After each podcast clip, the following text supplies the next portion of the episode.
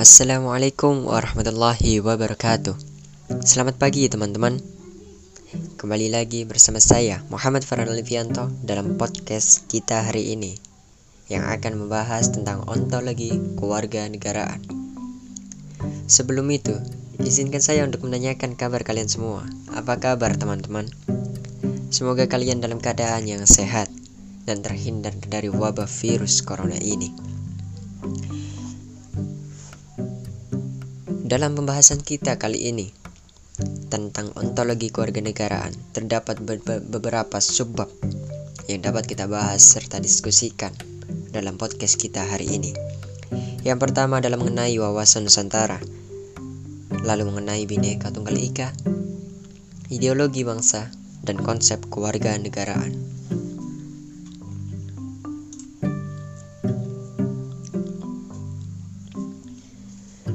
Baiklah, saya akan menjelaskan sedikit tentang alur dari podcast kita kali ini. Sedikit bocoran, bisa dibilang seperti itu.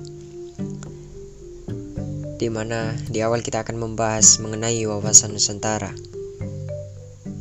tentang makna bagaimana pandangan bangsa Indonesia terhadap lingkungannya dalam berbangsa dan negara serta apa faktor yang mempengaruhi wawasan Nusantara. Lalu di pembahasan kedua kita akan membahas mengenai Bhinneka Tunggal Ika. Siapa yang tidak mengetahui Bhinneka Tunggal Ika? Khususnya orang Indonesia. Sangat tidak mencerminkan warga negara yang baik jika kalian tidak mengenal, tidak mengenal Bhinneka Tunggal Ika. Di mana Bhinneka Tunggal Ika merupakan semboyan negara Indonesia. Lalu di pembahasan ketiga kita akan membahas mengenai ideologi nasional. Dan di pembahasan terakhir, kita akan membahas mengenai konsep keluarga negaraan. Kita akan membahas mengenai dalam konsep keluarga negaraan itu ada tiga peraturan yang dikaitkan dalam hubungan negara dan warga negara. Apa aja itu nanti akan dijelaskan di dalam acara inti yang ada di podcast kita kali ini. Baiklah tidak panjang lebar. Saya Farhan sebagai moderator sekaligus pembawa acara dalam podcast kita pagi hari ini Akan langsung menyerahkan kepada para narasumber. Oh ya, narasumber kita kali ini tidak beda dengan yang kemarin. Sama Di mana ada saudara Aditya Arifin saudara Arafa Nabil, saudara Albadrut Tamam, dan juga saudari Fania Adiuta Hartadi. Baiklah, saya akan langsung menyerahkan kepada para narasumber dan semoga para narasumber masing-masing masing-masing narasumber mampu untuk menjelaskan dan berbagi sedikit ilmunya mengenai ontologi kewarganegaraan seperti yang kita sebutkan tadi. Baiklah, akan langsung saya serahkan. Silahkan untuk para narasumber.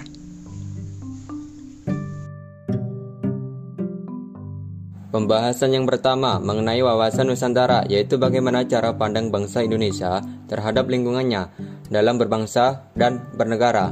Dalam wawasan Nusantara ada dua landasan dasar yaitu landasan ID atau bisa disebut juga dengan Pancasila di mana landasan ini merupakan cerminan dari norma-norma yang ada di Indonesia dan landasan yang kedua adalah landasan konstitusional atau bisa disebut dengan Undang-Undang Dasar Negara Republik Indonesia tahun 1945 yang menjadi pedoman pokok dalam kehidupan baik masyarakat, bangsa maupun negara. Lalu, apa sih faktor yang mempengaruhi wawasan Nusantara itu? Ada tiga faktor yang menjadi pengaruh wawasan Nusantara, yaitu yang pertama faktor geografi. Faktor ini terdiri dari tiga aspek yaitu kepulauan Indonesia, konsep wilayah laut, dan karakteristik wilayah Nusantara. Faktor yang kedua yaitu faktor geopolitik, dan yang ketiga adalah faktor geostrategi.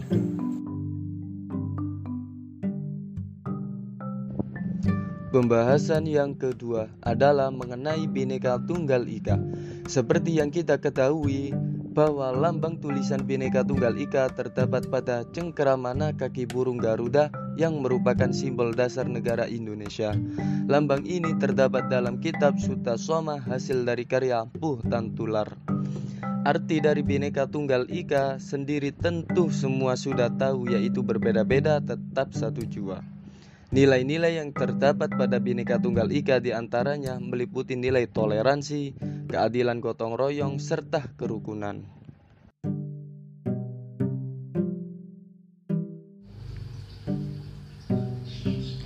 Pembahasan yang ketiga mengenai ideologi nasional. Ideologi menurut terminologis adalah ilmu yang membahas tentang ide, cita-cita, ataupun konsep. Sekitar abad ke-18, setelah ideologi mulai ramai dibicarakan, ada dua ideologi yang sangat berpengaruh, yaitu ideologi sosialisme komunisme dan berhadapan dengan ideologi liberalisme kapitalisme. Dua ideologi tersebut digunakan banyak negara setelah Perang Dunia II. Menurut Pasar Ibu, ada empat dimensi dalam ideologi. Pertama, dimensi realitas, di mana nilai-nilai yang terkandung di dalamnya berdasarkan nilai kehidupan masyarakat. Yang kedua, dimensi idealis.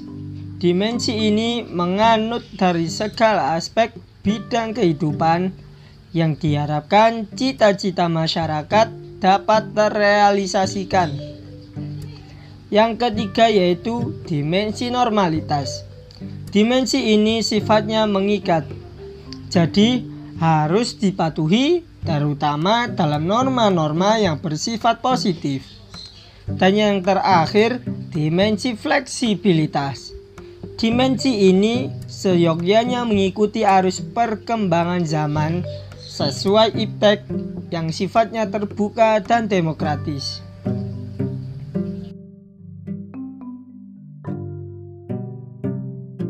Pembahasan yang keempat yaitu mengenai konsep kewarganegaraan. Dalam konsep kewarganegaraan ada tiga peraturan yang dikaitkan dalam hubungan negara dan warga negara. Yang pertama, memberikan gambaran antara warga negara itu sendiri. Yang kedua, memberikan perhatian tentang hubungan antara masing-masing individu dengan otoritas politik. Dan yang ketiga, memberikan antara komponen-komponen yang dimuat dalam kewarganegaraan. Narasi tersebut menunjukkan bahwa kewarganegaraan merupakan penyatuan dari beberapa jenis yang meliputi hak sipil, politik, dan sosial. Warga negara Indonesia dibagi menjadi dua aspek, yaitu karena status dan yang kedua karena kelahiran. Asas kewarganegaraan dibedakan menjadi dua, yaitu dilihat dari sisi kelahiran dan perkawinan. Dari sisi kelahiran dipecah lagi menjadi dua asas, yaitu asas kelahiran atau ius wali dan asas keturunan atau ius sanguinis. WNI dapat dikatakan kehilangan status kewarganegaraannya apabila ia memperoleh kewarganegaraan lain atas kemauannya sendiri. Yang kedua, tidak menolak atau melepas kewarganegaraan lain, sedangkan orang yang bersangkutan mendapatkan kesempatan dan yang ketiga, dinyatakan hilang oleh presiden atas permohonannya sendiri. Yang keempat, secara sukarela masuk dinas negara asing dan menyatakan janji setia kepada negara asing. Yang kelima, tidak diwajibkan tetapi turut serta dalam pemilihan sesuatu yang bersifat ketatanegaraan untuk suatu negara asing. Yang keenam, mempunyai paspor yang bersifat dari negara asing dan bertempat tinggal di luar Indonesia selama lima tahun tanpa alasan yang sah.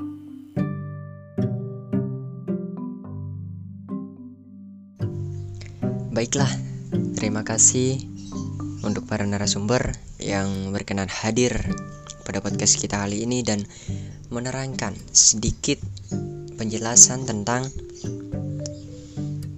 materi yang kita bahas dalam podcast kita kali ini, yakni tentang ontologi keluarga negaraan.